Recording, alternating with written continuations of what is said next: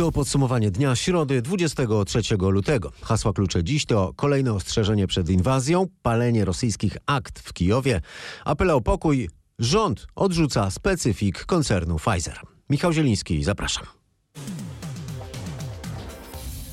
Stany Zjednoczone po raz kolejny ostrzegają ukraińskie władze, a dzięki przeciekom do mediów również cały świat, że w ciągu godzin nastąpi rosyjska inwazja na Ukrainę. Tym razem amerykański tygodnik Newsweek, powołując się na dwa niezależne źródła plus trzecie w ukraińskim rządzie, podał wczesnym popołudniem naszego czasu, że w ciągu 48 godzin rosyjskie wojska wkroczą na Ukrainę.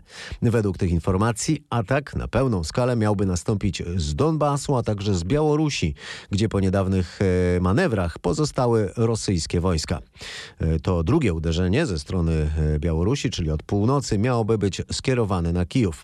Newsweek napisał też, że inwazję poprzedzi cyberatak. E, wkrótce później przestały działać strony internetowe ukraińskich resortów obrony i spraw zagranicznych, ukraińskiego parlamentu. E, przestały działać również strony wielu ukraińskich banków. Amerykański tygodnik napisał również, że źródło w ukraińskim rządzie podkreśla, że to już jest trzecie takie ostrzeżenie z Waszyngtonu dla Kijowa w tym miesiącu. A w ciągu dnia inne zachodnie media też podawały później podobne informacje, po raz kolejny powołując się na nieoficjalne źródła. Jedno z tych źródeł, rozmówca agencji Reutera z amerykańskiego Departamentu Obrony, przekazał, że 80% rosyjskich oddziałów zgromadzonych wokół Ukrainy jest na pozycjach e, gotowe do ataku. Według tego urzędnika rosyjskie władze mają plany sięgnięcia po rezerwistów i po Gwardię Narodową, co ma oznaczać przygotowania do długotrwałych działań wojennych wobec Ukrainy. Jednocześnie Rosja, która cały czas zaprzecza, że ma plany inwazji na Ukrainę, rozpoczęła dziś ewakuację dyplomatów z tego kraju. Ta ewakuacja dotyczy całego personelu dyplomatycznego z ambasady w Kijowie, a także konsulatów w Charkowie, Odessie i Lwowie. Denis Golienko, e, przedstawiciel rosyjskiego Ministerstwa Spraw Zagranicznych, potwierdził też, że w rosyjskich placówkach na Ukrainie wdrożono rutynową procedurę niszczenia ważnych dokumentów. O paleniu akt już wcześniej informowały ukraińskie media. A wieczorem lider prorosyjskich separatystów z Ługańskiej e, Republiki e, Denis Puszilin zażądał, by ukraińska armia opuściła pozycje na terenach, które e, kierowana przez niego republika uznaje za swoje. Zgodnie z decyzjami podjętymi przedwczoraj przez rosyjskie władze, ta prorosyjska republika jest niepodległym państwem ściśle współpracującym z Rosją.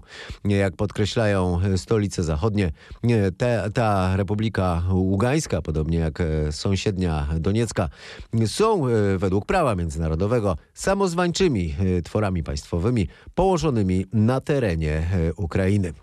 Szef ukraińskiej dyplomacji Dmitrij Kuleba w obliczu tych wydarzeń na forum Zgromadzenia Ogólnego ONZ oświadczył, że początek wojny na Ukrainie byłby końcem pokoju na świecie. Potrzebujemy waszej pomocy tu i teraz, by powstrzymać Rosję od agresywnych planów. Świat jest winien Ukrainie zapewnienie tego bezpieczeństwa, mówił Kuleba, podkreślając, że jego kraj pozostaje zaangażowany w rozwiązania polityczne i dyplomatyczne.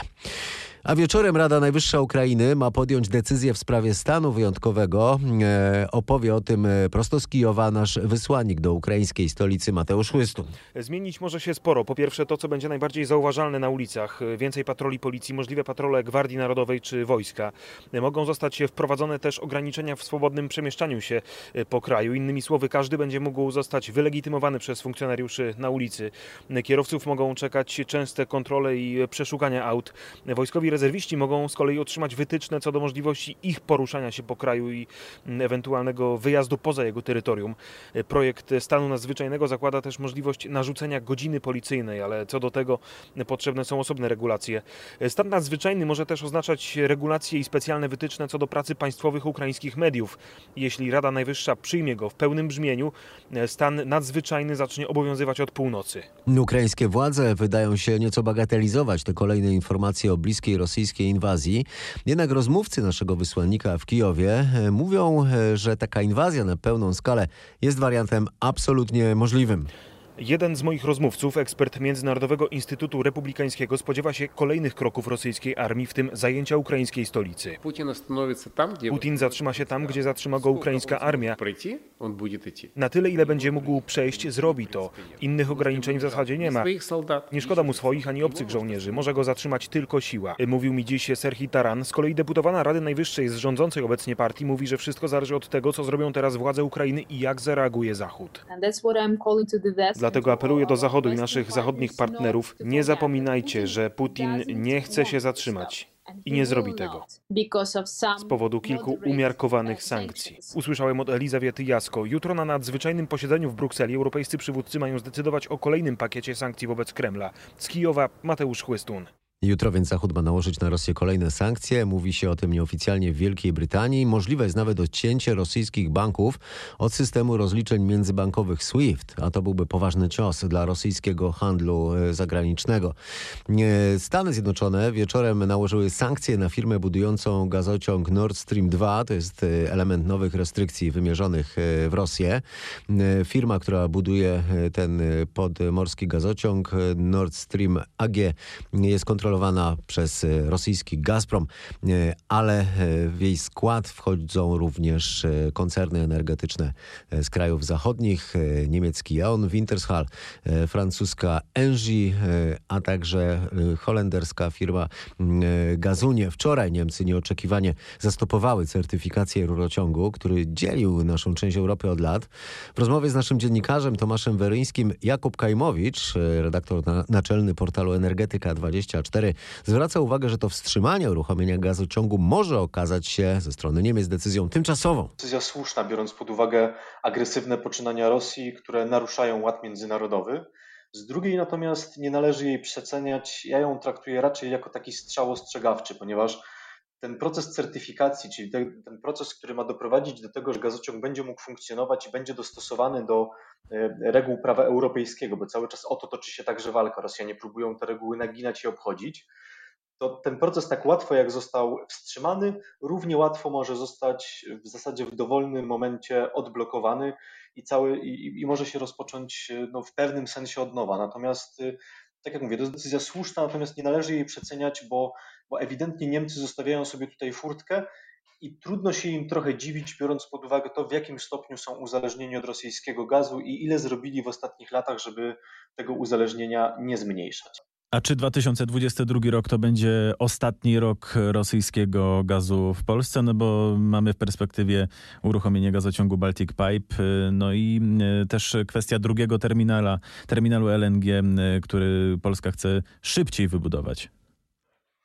Czy to będzie ostatni rok? No, w sensie deklaratywnym moglibyśmy założyć, że tak, to znaczy tak politycy ogłaszają, że, że będzie.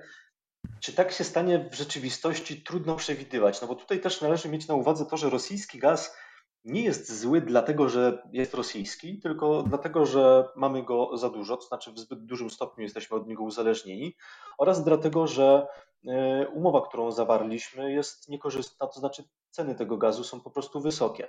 Więc e, odejmując te dwa czynniki, to znaczy mając możliwość sprowadzania dużych wolumenów gazu z innych kierunków, oraz mając dzięki temu zupełnie inną pozycję negocjacyjną i mogąc dzięki temu wynegocjować lepszą umowę, to ja potrafię sobie wyobrazić, że w kolejnych latach jakiś mniejszy, mniej szkodliwy czy mniej ryzykowny z naszego punktu widzenia kontrakt funkcjonuje. Natomiast no, mam głęboką nadzieję, że, e, że jeśli tak się stanie, no to będą jak najmniejsze wolumeny, no bo tak jak mówię, Rosja, szczególnie Rosja Władimira Putina wielokrotnie udowodniła, że nie jest wiarygodnym dostawcą e, i to, co dzieje się dzisiaj na Ukrainie, zupełnie nieprzypadkowo tuż po tym, jak gazociąg Nord Stream 2 został w zasadzie ukończony, jeśli chodzi o tę fazę budowy, tylko potwierdza tę tezę e, i każe nam naprawdę z ostrożnością patrzeć w przyszłość. Znaczy, Polska jest w znacznie większym stopniu przygotowana na te zawirowania na rynku gazu niż wiele europejskich państw, ale to jeszcze nie znaczy, że, że, że, że ta robota już za nami i że możemy teraz osiąść na laurach, bo, bo w energetyce nie ma takich zjawisk. Znaczy, to jest proces i trzeba przygotować się do tego, że to będzie trwało i że jednak ta sytuacja na rynku gazu w tym roku może być po prostu trudna. Mówi ekspert Jakub Kajmowicz z portalu Energetyka24, a wiceminister infrastruktury Marcin Chorała zapewniał dziś, że nasz kraj nie musi się obawiać wstrzymania przez Rosjan dostaw. Dodawał, że Polska ma obecnie dużą rezerwę surowca w magazynach. Wiele, wiele miesięcy w tym momencie też w różnych scenariuszach, tak? No bo co innego jest na przykład całkowite wstrzymanie dostaw, co innego ograniczenie, e, w razie czego można też zwiększyć dostawy z innych źródeł. E, jeżeli jest taka konieczność, wtedy oczywiście będzie drożej, czego no na razie nie robimy, ale no gdyby była taka konieczność, no to już wtedy zawsze lepiej mieć nawet drożej niż nie mieć.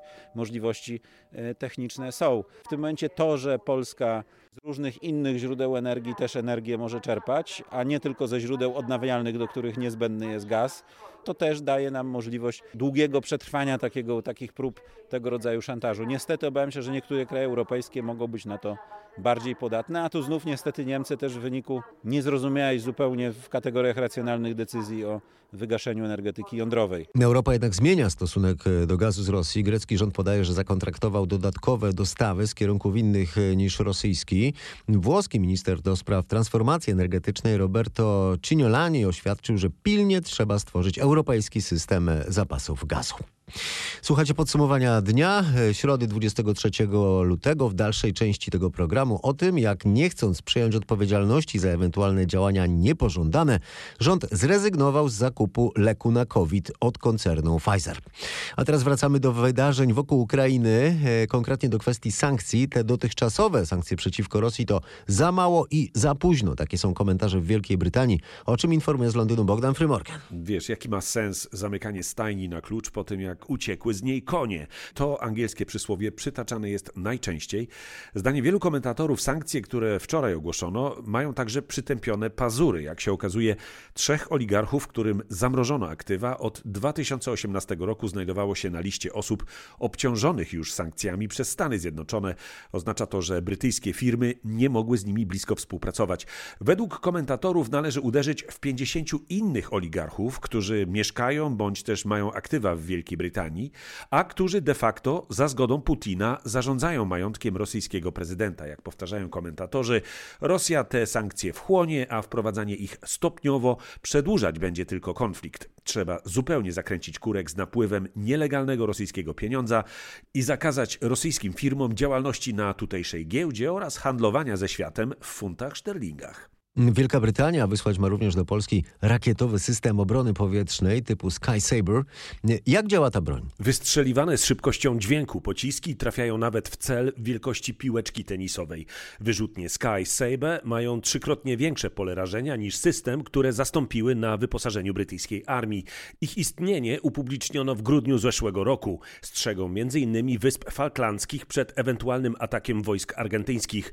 Mogą skutecznie zwalczać samoloty i nadlatujące nadlatujące pociski wroga, także drony. W przypadku tych ostatnich kilkanaście wyrzutni można zsynchronizować z jednym centrum dowodzenia. Jak donoszą brytyjskie media, wyrzutnie mogą już wkrótce zostać wysłane nad polsko-ukraińską granicę. We wczorajszym podsumowaniu dnia przytaczałem wypowiedź lidera Prawa i Sprawiedliwości Jarosława Kaczyńskiego, który zapowiadał pilne zakupy broni w miarę możliwości. Prezydent Andrzej Duda dzisiaj pojechał do Kijowa, gdzie spotkał się z prezydentem Ukrainy, a także z prezydentem Litwy. Ukraiński przywódca Wołodymyr Zełański po spotkaniu apelował do Zachodu o kolejne ostrzejsze sankcje. Natomiast Andrzej Duda mówił, że wizyta w Kijowie jest znakiem solidarności z Ukrainą. Polski prezydent apelował też do Rosji o zachowanie pokoju. Jako prezydent Polski, znający też i wielu Rosjan, nie mam wątpliwości, że także i Rosjanie, zwykli mieszkańcy wielkiego rosyjskiego państwa, chcą żyć w spokoju, nie chcą walczyć, chcą budować swoją przyszłość. Podczas tych dzisiejszych rozmów, co oczywiste, skupiliśmy się głównie na kwestiach związanych z bezpieczeństwem. Działania Rosji w regionie budzą nasze ogromne zaniepokojenie. Traktujemy je bardzo poważnie i śledzimy każde wydarzenie, każdy kolejny krok podejmowany przez Rosję, przez prezydenta Putina, każdy kolejny wydawany przez niego rozkaz, każdą kolejną podejmowaną przez niego decyzje. Śledzimy je z najwyższą uwagą.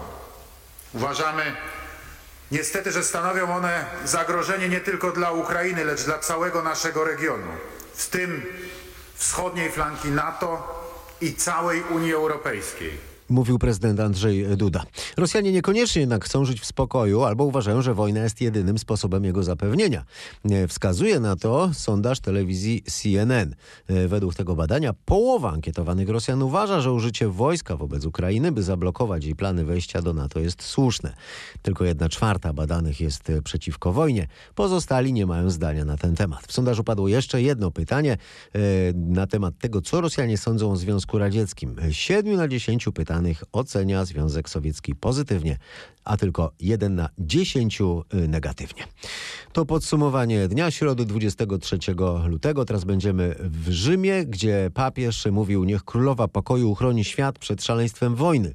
Franciszek zaapelował o powstrzymanie się y, przed działaniami, które doprowadziłyby do dalszych cierpień ludności. Un grande dolore nel cuore Wielki ból w moim sercu wywołuje pogorszenie sytuacji na Ukrainie. Mimo wysiłków dyplomatycznych w ostatnich tygodniach otwierają się coraz bardziej alarmujące scenariusze. Podobnie jak ja, wiele osób na całym świecie odczuwa z tego powodu lęk i zaniepokojenie. Po raz kolejny pokój dla wszystkich jest zagrożony przez stronnicze interesy. Mówił papież Franciszek, który ogłosił środę popielcową dniem postu i modlitwy w intencji pokoju. Słuchajcie podsumowania dnia. Ministerstwo Zdrowia wstrzymało zamówienie leku dla chorych na koronawirusa. Chodzi o preparat firmy Pfizer o nazwie Paxlovid. Dowiedział się o tym dziś nasz dziennikarz Michał Dobrołowicz. Pierwsze dostawy były zaplanowane na marzec, ale ich nie będzie. Rząd wyjaśnia, że nie będzie kupować leku, bo koncern Pfizer stawia warunek. Odpowiedzialność za ewentualne skutki uboczne e, jego działania miałoby wziąć na siebie polskie państwo. Z wiceministrem Maciejem Miłkowskim rozmawiał Michał Dobrowicz. Powód y, tego wstrzymania zamówień to jest polityka firmy, polityka producenta leku, czyli firmy Pfizer. Dokładnie tej samej firmy, która opracowała tę pierwszą stosowaną e, w Polsce i na świecie szczepionkę przeciwko koronawirusowi. Firma ta całą odpowiedzialność za stosowanie leku, za konsekwencje stosowania tego leku, między innymi w Polsce, chce przesunąć, przełożyć na kraj, w którym ten lek jest stosowany. Tak to tłumaczył w bardzo otwartej rozmowie te zakulisowe negocjacje, zakulisowe ustalenia wiceminister zdrowia, który odpowiada za politykę lekową Maciej Miłkowski. Firma e, oczekiwała, oczekuje, że państwo, e, które zakupi e, ten produkt, przejmie na siebie całą odpowiedzialność za produkt leczniczy. Firma nie daje żadnej gwarancji jakości działań niepożądanych, no co jest niestandardowym postępowaniem w lekach, bo oczekiwanie jest takie, że płacimy pełną stawkę, ale odpowiedzialności żadnej. No to moglibyśmy takie rozwiązanie przyjąć, że e, bierzemy na siebie odpowiedzialność, ale również e, nie płacimy za e, produkt leczniczy. Czyli na razie nie będzie tych dostaw, na razie jakby nie ma żadnego planu, żeby w marcu były dostawy, na razie molnupiravir będzie tym głównym lekiem. Na razie, na razie nie ma takich planów. Według mnie firma nie zgadza się na żadne ustępstwa, żeby E, żeby przejąć na siebie jakąkolwiek odpowiedzialność za ten produkt leczniczy. Czyli stanowisko ich jest takie, że my tylko dajemy, a co się wydarzy dalej, to po prostu my z tym nie mamy nic wspólnego, bo producentem jest Pfizer, prawda? Tak, tak, tak. E, tak, e, oczywiście za lek firma nie odpowiada. Z wiceministrem zdrowia Maciejem Miłkowskim rozmawiał nasz dziennikarz Michał Dobrowicz. Warto dodać, że podobne przejęcie odpowiedzialności miało miejsce w przypadku szczepionek przeciwko koronawirusowi. A w obliczu spadającej liczby zakażeń zakażeń i hospitalizacji, a także wydarzeń na wschodzie, pandemia nie tylko przestała być tematem numer jeden, ale prawie zniknęła z mediów. Tymczasem dziś premier ogłosił, że rząd znosi większość obostrzeń pandemicznych, w tym zalecenie pracy zdalnej w urzędach. Będzie jednak nadal obowiązywało noszenie maseczek w miejscach publicznych, sklepach i środkach komunikacji. Kwarantanna i izolacja pozostaje w skróconym czasie, mówił Mateusz Morawiecki. E, jakie jest dokładnie uzasadnienie tych e, zmian? E, o tym mówił minister zdrowia Adam Niedzielski. Od 1 marca znosimy większość tych restrykcji, które mają charakter gospodarczy. W zasadzie zostają tylko te restrykcje, bo mówię tutaj o maseczkach, o izolacji, o kwarantannie, które mają taki charakter czysto epidemiczny związany z jeszcze utrzymaniem tego kryterium ograniczania transmisji wirusa. Mówił minister zdrowia Adam Niedzielski. Tysiące poszkodowanych długo na to czekało. Ruszył wreszcie proces w sprawie afery Getback. Przed Sądem Okręgowym w Warszawie stawił się m.in. prezes Getback czy byli prezesi Idea Banku. Nasz dziennikarz Maciej Sztykiel przewiduje, że to nie będzie szybki proces. Z pewnością nie. Sam akt oskarżenia, który trzeba odczytać, ma 1200 stron. Rozprawy będą całodniowe. Na ławie oskarżonych 16 osób, w tym były prezes zarządu Getback Konrad K. oraz byli prezesi Idea Banku Jarosław A. i Tobiasz B. Prokuratura zarzuca im m.in. oszustwa związane z dystrybucją obligacji Getback, nadużycie uprawnień i wyrządzenie Idea Bankowi wielkiej szkody majątkowej oraz prowadzenie przez ten bank działalności maklerskiej bez zezwolenia KNF. Obligacje Getbacku miały być oferowane jako te wolne od ryzyka. Przez te działania 9 tysięcy osób miało stracić 3 miliardy złotych. Oskarżonych ma być więcej. Jednym z nich ma być Leszek Czarnecki. Prokuratura chce mu postawić zarzuty, ale biznesmen jest poza granicami kraju. Prawo i Sprawiedliwość przyspiesza wybór Adama Glapińskiego na drugą kadencję w Narodowym Banku Polskim. Do sejmowego głosowania może dojść już jutro, dowiedział się dziś nasz reporter. O ponowny wybór Glapińskiego wnioskował prezydent Andrzej Duda. Skąd to przyspieszenie? O tym Roch Kowalski. Po części ma to związek z sytuacją na Ukrainie, a przede wszystkim ze stabilnością gospodarki. Po prostu nie ma powodu, by zbędnie odwlekać głosowanie, szczególnie, że kandydat jest jeden i popiera go cała Zjednoczona Prawica. To jednak przy braku obecnie samodzielnej większości za mało by Glapińskiego powołać. PiS musi mieć pewność wsparcia ze strony posłów Pawła Kukiza i dwóch niezrzeszonych i dlatego do głosowania nadal nie doszło. Teraz dokumentacja w Sejmie jest już gotowa i czeka tylko na decyzję polityczną. Jak udało się nam dowiedzieć, zarówno w otoczeniu prezydenta, jak i w samym PiSie słychać, że do głosowania może dojść już jutro. Pierwsza kadencja Glapińskiego upływa pod koniec czerwca. Jeśli chodzi o wspomnianą Ukrainę, to właśnie teraz, kiedy nagrywam e, ten fragment podsumowania dnia, chwilę przed 21, parlament Ukrainy zatwierdził wprowadzenie e, stanu wyjątkowego. Dziś obchodziliśmy ogólnopolski Dzień Walki z Depresją. Zapytaliśmy więc przechodniów, e, jak ich zdaniem można próbować pomóc sobie albo osobie z naszego otoczenia, która walczy z tą chorobą. Jeżeli to są osoby z bliskiego otoczenia, e, no to na pewno trzeba bardzo, bardzo patrzeć, jak, czy się zmieniło ich zachowanie w ogóle, czy nie, czy są przygnębione. Dużo ruchu, dużo towarzystwa, e, dużo dobrych e, e, wspomnień, dużo fajnych rzeczy związanych ze sportem.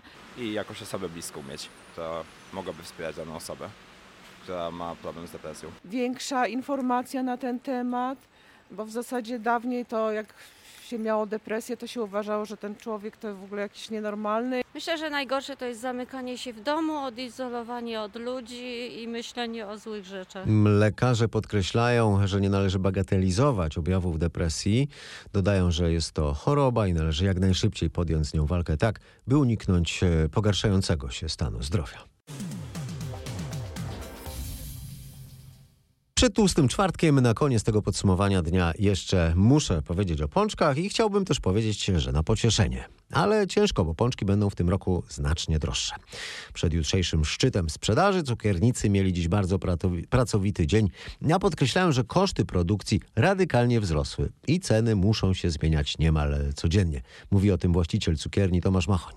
Dużo dodajemy masła do, do pączków. No, ten pączek, żeby był smaczny, no to przede wszystkim musi być dobrej jakości to masło.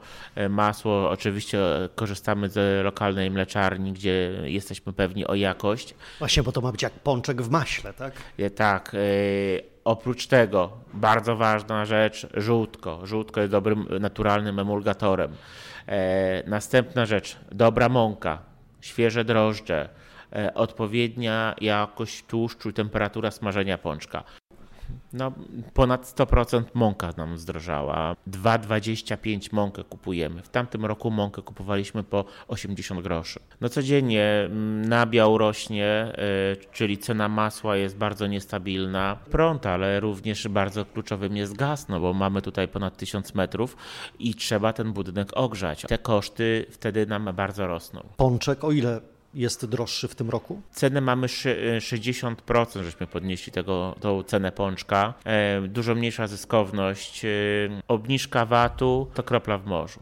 To wszystko w dzisiejszym podsumowaniu dnia. Życzę spokojnej nocy. Ten program, najważniejsze i najciekawsze wydarzenia ostatnich 24 godzin, zamknięte w 24 minutach, wraca jutro. Do usłyszenia.